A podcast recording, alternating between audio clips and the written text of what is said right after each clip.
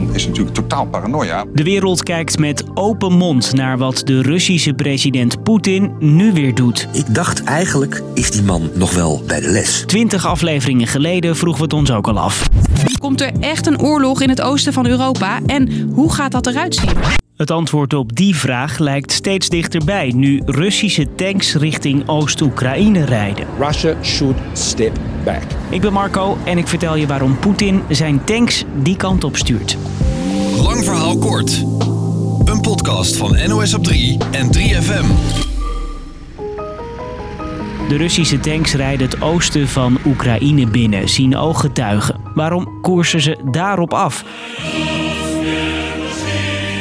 Tot begin jaren 90 was Oekraïne onderdeel van de Sovjet-Unie. President Poetin ziet het land eigenlijk nog steeds als onderdeel van het grote Russische Rijk. In het oosten van Oekraïne spreken veel mensen nog Russisch. En ze voelen zich verwant met het land van Poetin, vertelt Ruslandkenner Hubert Smeets. Daar maakt Rusland handig gebruik van. Rusland strooit daar met paspoorten. Inmiddels zijn er al bijna 800.000 bewoners van de Donetsk en Luhansk volksrepublieken versierd met een Russisch paspoort. Ze mogen ook stemmen voor het Russische parlement. Ook in de Krim, een gebied in het zuidoosten van Oekraïne, spreken veel mensen Russisch. En bij onrust moeten de Russen daar beschermd worden, is het idee van Poetin. Want de invloed van het Westen trekt steeds oostelijker. Pro-Russische rebellen luisteren daarnaar. En ze namen in 2014 na demonstraties de macht in de Krim over. Tegelijkertijd roepen ze twee nieuwe staten uit: Donetsk en Luhansk in Oost-Oekraïne met miljoenen inwoners. De strijders nemen de regionale overheden over. De mensen daar leven inmiddels al jaren in oorlog. 14.000 mensen kwamen om. Het is een verscheurd gebied met een verscheurde bevolking, vertelt deze tolk die er vorig jaar nog was. Ik was verbaasd om die enorme verwoesting te zien. En het leek alsof uh, de moderne tijd daar geen vat heeft gekregen. Ik bespeurde een enorme tweedeling. De rebellen in dat gebied, ook wel separatisten genoemd, worden gesteund, aangestuurd en bewapend door Rusland. Maar dat ontkent Poetin trouwens. Ondanks dat het Oekraïnse gebieden zijn, zijn Russische rebellen er dus de baas. Tot nu toe zeiden alle landen in de wereld steeds: leuk dat jullie jezelf de baas vinden, maar het gebied is toch echt van Oekraïne. Tot maandag. De Russische president Poetin heeft dan overleg met zijn ministers over de vraag: wat moeten we met Donetsk en Luhansk? Oekraïne не нужны. Dit is de vicevoorzitter van de Russische Veiligheidsraad, die Poetin oproept om de twee gebieden te erkennen als onafhankelijke gebieden.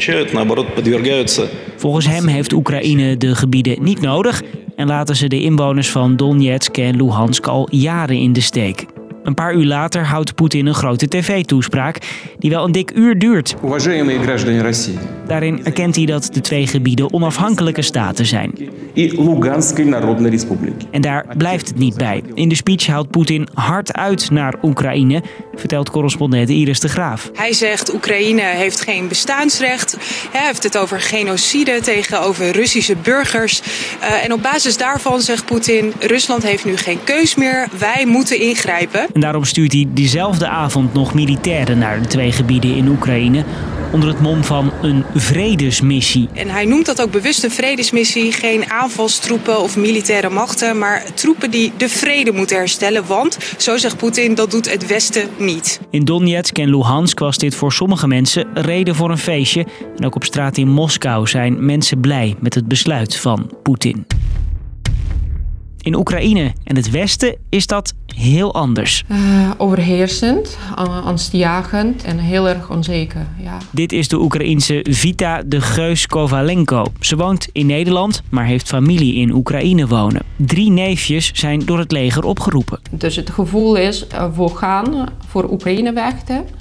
En we hopen dat mensen van buitenaf, van de hele wereld, gaan ons steunen. En ook de president van Oekraïne hoopt erg op steun vanuit andere landen. Zo reageerde de Amerikaanse VN-ambassadeur. And we must not look away.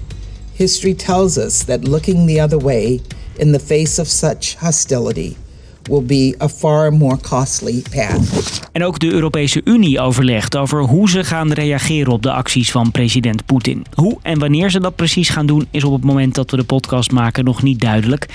Dit zei premier Rutte erover. Nederland is met onze bondgenoten voorstander van een scherpe reactie. Maar feit is wel dat dit niet onbeantwoord kan blijven. Dus lang verhaal kort. De Russische president Poetin heeft de gebieden Donetsk en Luhansk in Oekraïne erkend als onafhankelijke staten.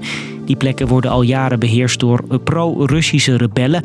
En inmiddels is het Russische leger er ook. Over de hele wereld wordt er geschokt gereageerd. Verschillende landen bereiden sancties voor in de hoop dat Poetin geen oorlog start. Wil je nou weten hoe die hele regio in Oekraïne eruit ziet? Check dan even ons NOS op 3 Insta-account. Thanks voor het luisteren. Doei!